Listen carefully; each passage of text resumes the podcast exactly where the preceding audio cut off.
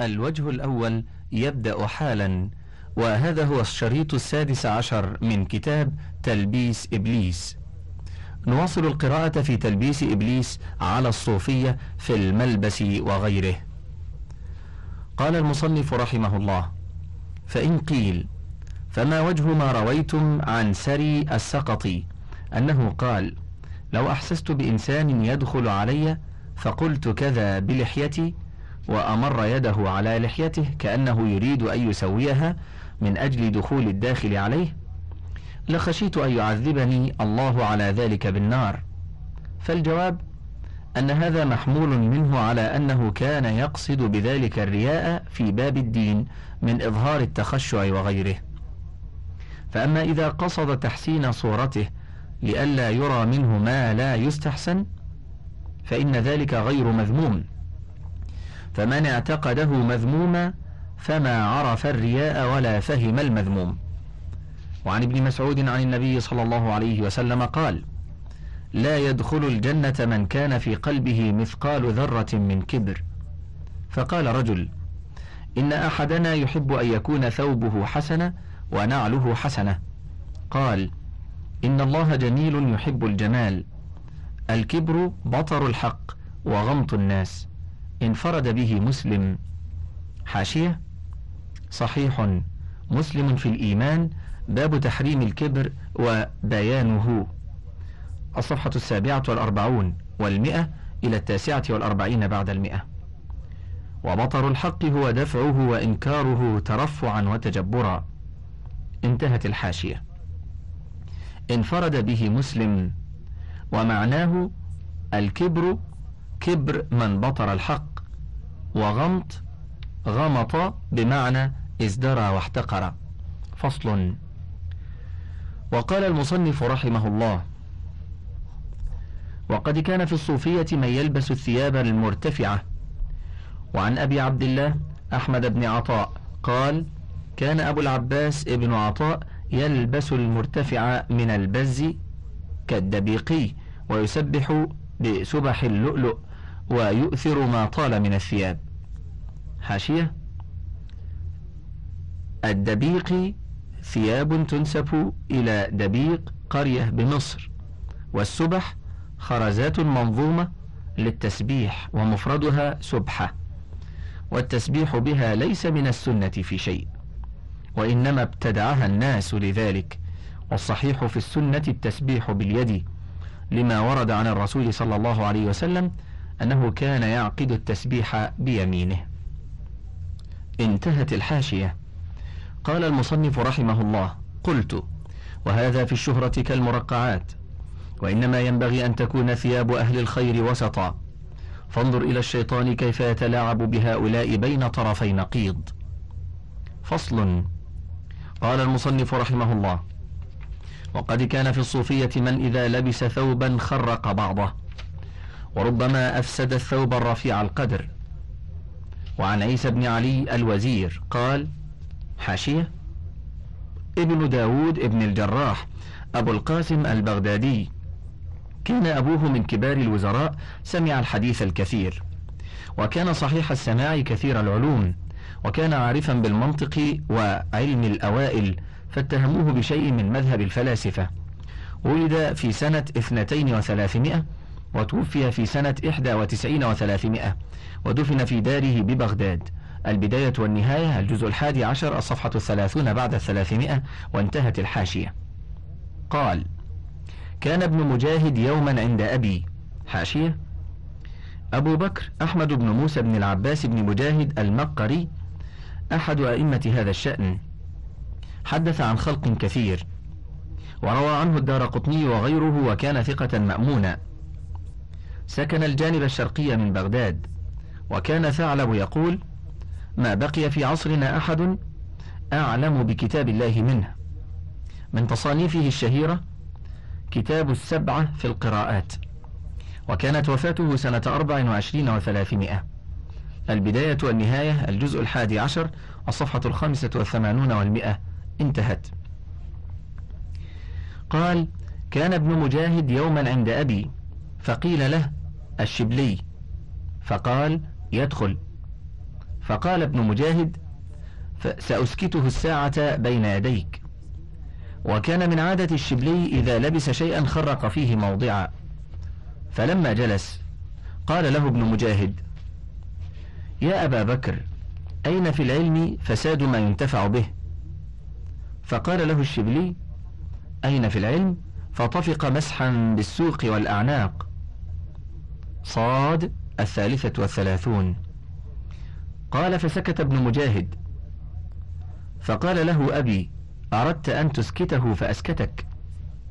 ثم قال له قد أجمع الناس أنك مقرئ الوقت فأين في القرآن أن الحبيب لا يعذب حبيبه؟ قال فسكت ابن مجاهد. فقال له أبي قل يا أبا بكر. فقال قوله تعالى وقالت اليهود والنصارى نحن أبناء الله وأحباؤه. قل فلم يعذبكم بذنوبكم؟ المائدة الثامنة عشرة. فقال ابن مجاهد كأنني ما سمعتها قط. حاشية. أبو نعيم في حلية الأولياء. الجزء العاشر الصفحة الثالثة والسبعون والثلاثمائة إلى الرابعة والسبعين بعد الثلاثمائة. انتهت. قال المصنف رحمه الله قلت هذه الحكاية أنا مرتاب بصحتها لأن الحسن بن غالب كان لا يوثق به. حاشية ابن علي بن غالب بن منصور بن صعلوك أبو علي التميمي ويعرف بابن المبارك المقري صاحب ابن سمعون وقرأ القرآن على حروف أنكرت عليه ودرب عليه الكذب إما عمدا وإما خطأ واتهم في رواية كثيرة. وكان أبو بكر القزويني ممن ينكر عليه وكتب عليه محضر بعدم الإقراء بالحروف المنكرة. قال أبو محمد السمرقندي كان كذابا. توفي سنة ثمان وخمسين وأربعمائة عن ثنتين وثمانين سنة ودفن عند إبراهيم الحربي. البداية والنهاية الجزء الثاني عشر الصفحة الرابعة والتسعون وانتهت الحاشية. وعن أبي بكر الخطيب قال ادعى الحسن بن غالب أشياء تبين لنا فيها كذبه واختلاقه. فإن كانت صحيحة فقد أبانت عن قلة فهم الشبلي حين احتج بهذه الآية وقلة فهم ابن مجاهد حين سكت عن جوابه. وذلك أن قوله فطفق مسحا بالسوق والأعناق لا يجوز أن ينسب إلى نبي معصوم أنه فعل الفساد. والمفسرون قد اختلفوا في معنى الآية فمنهم من قال مسح على أعناقها وسوقها وقال أنت في سبيل الله فهذا إصلاح. ومنهم من قال عقرها.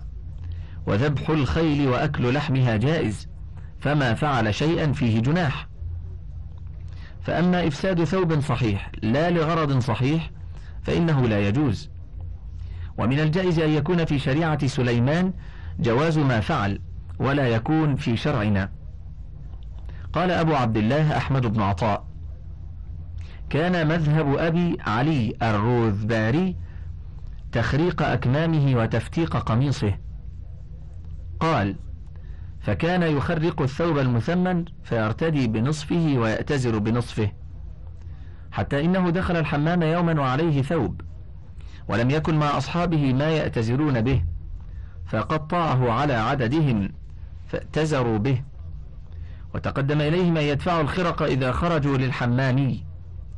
قال ابن عطاء قال لي أبو سعيد الكازورني كنت معه في هذا اليوم وكان الرداء الذي قطعه يقوم بنحو ثلاثين دينارا. قال المصنف رحمه الله ونظير هذا التفريط ما أنبأنا به الحسن البوشندي. قال كانت لي قبجة طلبت بمئة درهم. فحضرني ليلة غريبان. فقلت للوالدة عندك شيء لضيفي؟ قالت لا إلا الخبز. فذبحت القبجة وقدمتها إليهما. حاشية. القبج الحجل وهو جنس طيور تصاد. انتهت الحاشية. قال المصنف رحمه الله قد كان يمكنه أن يستقرض ثم يبيعها ويعطى فلقد فرط. وعن أبي عبد الرحمن السلمي قال سمعت جدي يقول دخل أبو الحسين الدراج البغدادي الري وكان يحتاج إلى لفاف لرجله فدفع إليه رجل منديلا دبيقيا فشقه نصفين وتلفف به فقيل له لو بعته واشتريت منه لفافا وأنفقت الباقي؟ فقال رحمه الله أنا لا أخون المذهب. قال المصنف. وقد كان أحمد الغزالي ببغداد فخرج إلى المحول فوقف على ناعورة تئن فرمى طيلسانه عليها فدارت فتقطع الطيلسان حاشية. أحمد بن محمد بن محمد أبو الفتح الطوسي الغزالي. أخو أبي حامد الغزالي. كان واعظا مفوها ذا حظ من الكلام والزهد وحسن التأني. قال ابن الجوزي وقد كانت له نكت إلا أن الغالب على كلامه التخليط والأحاديث الموضوعة المصنوعة والحكايات الفارغة والمعاني الفاسدة. قال ونسب إلى محبة المردان والقول بالمشاهدة فالله أعلم بصحة ذلك. وألي قراءة الهامش. قال ابن خلكان كان من الفقهاء غير أنه مال إلى الوعظ فغلب عليه واختصر الإحياء في مجلد سماه لباب الإحياء. وله الذخيرة في علم البصيرة. طاف البلاد وخدم الصوفية بنفسه وكان مائلا إلى الانقطاع والعزلة. والله أعلم بحاله. توفي سنة عشرين وخمسمائة. البداية والنهاية. الجزء الثاني عشر. الصفحة السادسة وتسعون والمئة. الناعورة دولاب ذو دلاء أو نحوها. يدور بدفع الماء أو جر الماشية. فيخرج الماء من البئر أو النهر إلى الحقل. والجمع نواعير. وتئن أي تتأوه. انتهت الحاشية. قال فرمى طيلسانه عليها فدارت فتقطع الطيلسان. حاشية. البداية والنهاية. الجزء الثاني عشر. الصفحة السادسة والتسعون والمئة. انتهت. قال المصنف رحمه الله قلت فانظر إلى هذا الجهل والتفريط والبعد عن العلم. فانظر إلى هذا الجهل والتفريط والبعد عن العلم فإنه قد صح عن رسول الله صلى الله عليه وسلم أنه نهى عن إضاعة المال. ولو أن رجلا قطع دينارا صحيحا وأنفقه كان عند الفقهاء مفرطا. فكيف بهذا التبذير المحرم؟ ونظير هذا تمزيق تمزيقهم الثياب المطروحة عند الوجد على ما سيأتي ذكره إن شاء الله. ثم يدعون أن هذه حالة ولا خير في حالة تنافي الشرع. أفتراهم عبيد نفوسهم أم أمروا أن يعملوا بآرائهم؟ فإن كانوا عرفوا أنهم يخالفون الشرع بفعلهم هذا ثم فعلوه إنه لعناد. وإن كانوا لا يعرفون فلعمري إنه لجهل شديد.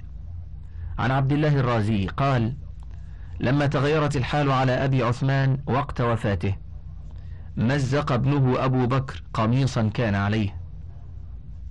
ففتح أبو عثمان عينه وقال يا بني خلاف السنة في الظاهر ورياء باطن في القلب. حاشية. حلية الأولياء الجزء العاشر الصفحة الخامسة والأربعون بعد المئتين. انتهت. فصل. قال المصنف وفي الصوفية من يبالغ في تقصير ثوبه وذلك شهرة أيضا. حاشية. من سنن الإسلام تقصير الثوب وتطهيره وهو يدعو إلى طهارة القلب وتنقيته من المعاصي والآثام.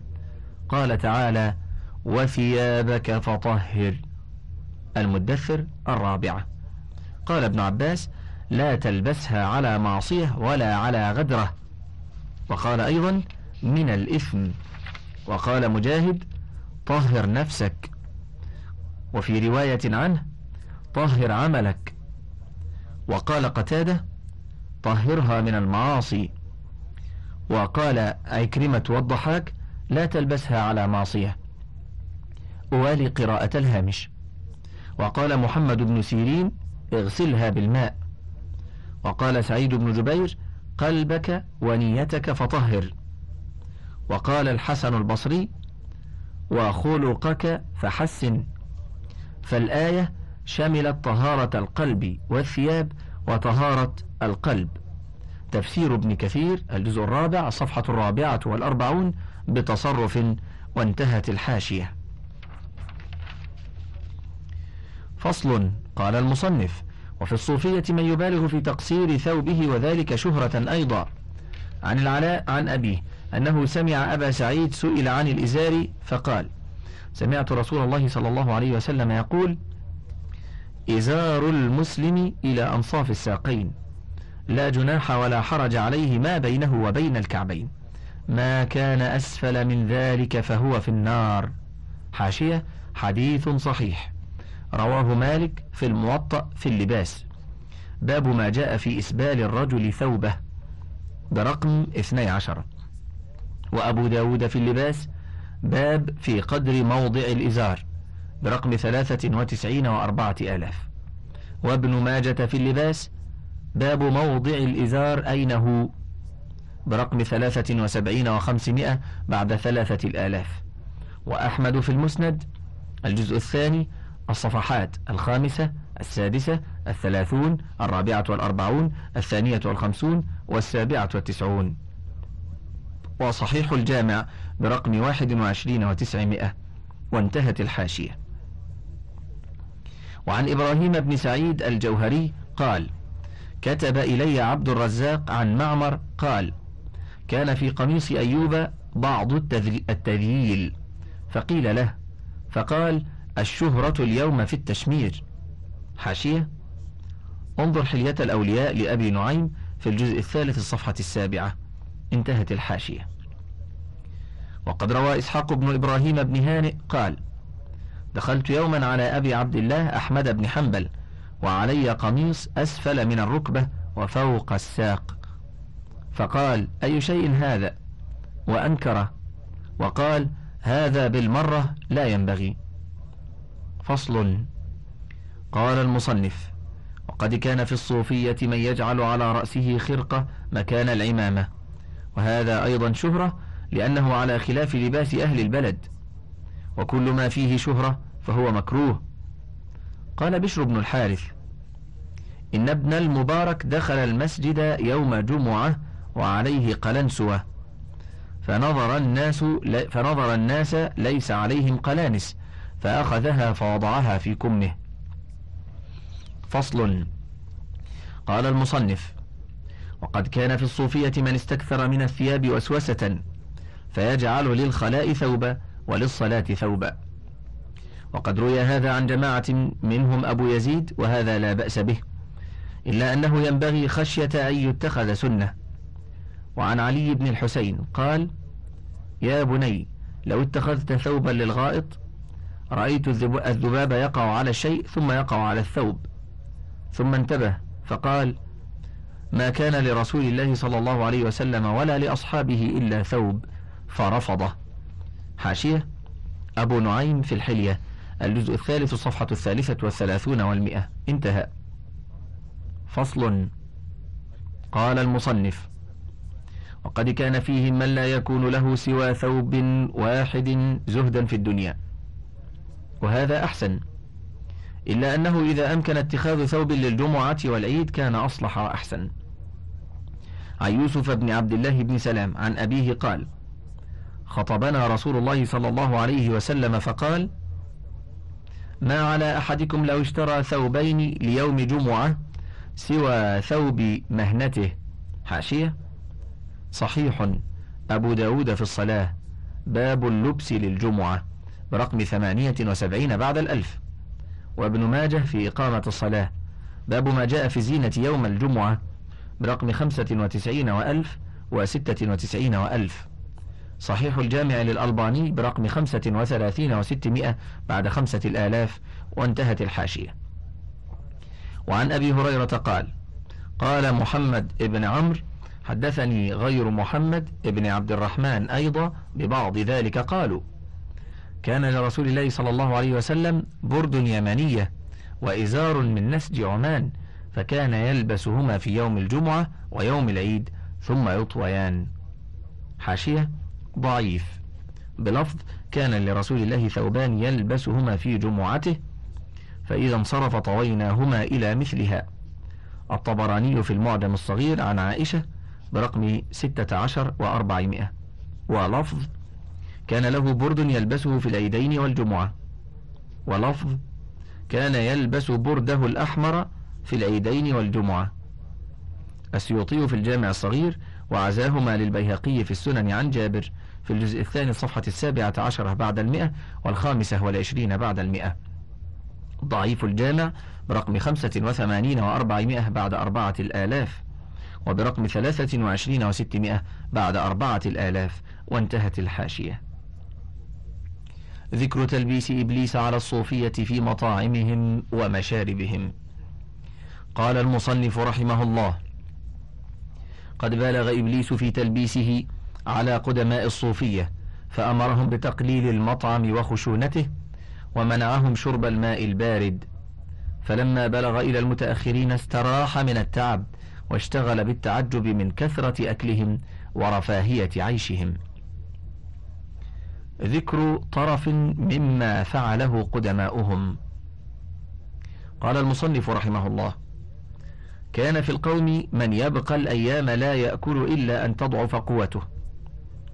وفيهم من يتناول كل يوم الشيء اليسير الذي لا يقيم البدن.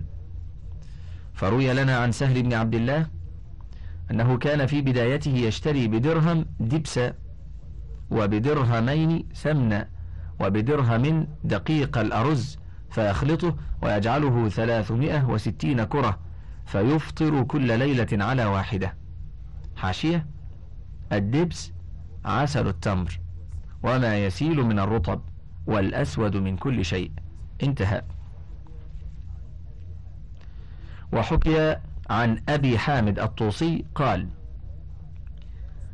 أن سهل بن عبد الله كان يقتات ورق النبق مدة وأكل دقاق التبن مدة ثلاث سنين واقتات بثلاث دراهم في ثلاث سنين. عن أبي جعفر الحداد قال أشرف علي أبو تراب يوما وأنا على بركة ماء ولي ستة عشر يوما لم آكل شيئا ولم أشرب فيها ماء. فقال ما جلوسك ها هنا؟ فقلت أنا بين العلم واليقين وأنا أنظر من يغلب فأكون معه. فقال سيكون لك شأن. وعن إبراهيم بن البنا البغدادي قال صحبت ذنون من إخميم إلى الإسكندرية. فلما كان وقت إفطاره أخرجت قرصا وملحا كان معي وقلت هلم. فقال لي ملحك مدقوق؟ قلت نعم. قال لست تفلح. فنظرت إلى مزوده فإذا فيه قليل سويق شعير يستف منه. حاشية السويق طعام يتخذ من مدقوق الحنطة والشعير. انتهت. وعن ابن أبي الحواري قال سمعت أبا سليمان قال الزبد بالعسل إسراف. قال ابن جهضم وحدثنا محمد بن يوسف البصري قال سمعت أبا سعيد صاحب سهل يقول بلغ أبا عبد الله الزبيري وزكريا الساجي وابن أبي أوفى أن سهل بن عبد الله يقول أنا حجة الله على الخلق. فاجتمعوا عنده فأقبل عليه الزبيري فقال له بلغنا أنك قلت أنا حجة الله على الخلق. فبماذا؟ أنبي أنت؟ أصديق أنت؟ قال سهل لم أذهب حيث تظن ولكن إنما قلت هذا لأخذ الحلال. فتعالوا كلكم حتى نصحح الحال. قالوا فأنت قد صححته؟ قال نعم. قال وكيف؟ قال سهل. قسمت عقلي ومعرفتي وقوتي على سبعة أجزاء فأتركه حتى يذهب منها ستة أجزاء ويبقى جزء واحد. فإذا خفت أن يذهب ذلك الجزء وتتلف معه نفسي خفت أن أكون قد أعنت عليها وقتلتها دفعت إليها من البلغة ما يرد الستة الأجزاء. وعن أبي عبد الله بن زيد قال منذ أربعين سنة ما أطعمت نفسي طعاما إلا في وقت ما أحل الله لها الميتة. حاشية؟ تحل الميتة عندما يشرف الإنسان على الهلاك ولا يجد غيرها. قال تعالى وقد فصل لكم ما حرم عليكم إلا ما اضطررتم إليه. الأنعام التاسعة عشرة بعد المئة. وكيف يصل الإنسان بنفسه إلى هذه الدرجة التي لا يرضاها الله ولا يرضى عنها الدين؟ فالله غني عن تعذيب الإنسان لنفسه ويكفي أن نتوسط في حياتنا فلا إسراف ولا تقتير. انتهت الحاشية. حدثنا عيسى بن آدم ابن أخي أبي يزيد قال جاء رجل إلى أبي يزيد قال أريد أن أجلس في مسجدك الذي أنت فيه. قال لا تطيق ذلك. فقال إن رأيت أن توسع لي في ذلك فآذن له فجلس يوما لا يطعم فصبر. فلما كان في اليوم الثاني قال له يا أستاذ لا بد مما لا بد منه. فقال يا غلام لا بد من الله. قال يا أستاذ نريد القوت. قال يا غلام القوت عندنا إطاعة الله. فقال يا أستاذ أريد شيئا يقيم جسدي في طاعته عز وجل. فقال يا غلام إن الأجسام لا تقوم إلا بالله عز وجل. قال إبراهيم الخواص حدثني أخ لي كان يصحب أبا تراب نظر إلى صوفي مد يده إلى قشر البطيخ وكان قد طوى ثلاثة أيام.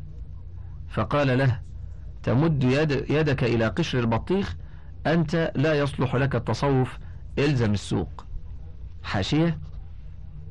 أبو إسحاق إبراهيم بن أحمد الخواص صوفي فاضل. له في التوكل الحال المشهور والذكر المنثور. حلية الأولياء الجزء العاشر الصفحة الخامسة والعشرون والثلاثمائة. وانظر في ذلك كذلك حلية الأولياء لأبي نعيم في الجزء العاشر الصفحة التاسعة والأربعين. انتهت الحاشية.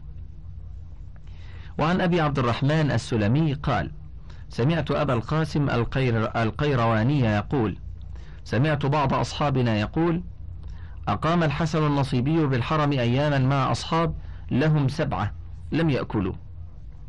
فخرج بعض أصحابه ليتطهر. فرأى قشر بطيخ فأخذه فأكله. فرآه إنسان فأتبعه بشيء وجاء برفق فوضعه بين يدي القوم. فقال الشيخ من جنى منكم هذه الجناية؟ فقال الرجل أنا وجدت قشر بطيخ فأكلته. فقال كن مع جنايتك ومع هذا الرفق وخرج من الحرم ومعه أصحابه وتبعه الرجل. فقال ألم أقل لك كن مع جنايتك؟ فقال الرجل أنا تائب إلى الله تعالى مما جرى مني. فقال الشيخ لا كلام بعد التوبة. انتهى الوجه الأول. فضلا اقلب الشريط.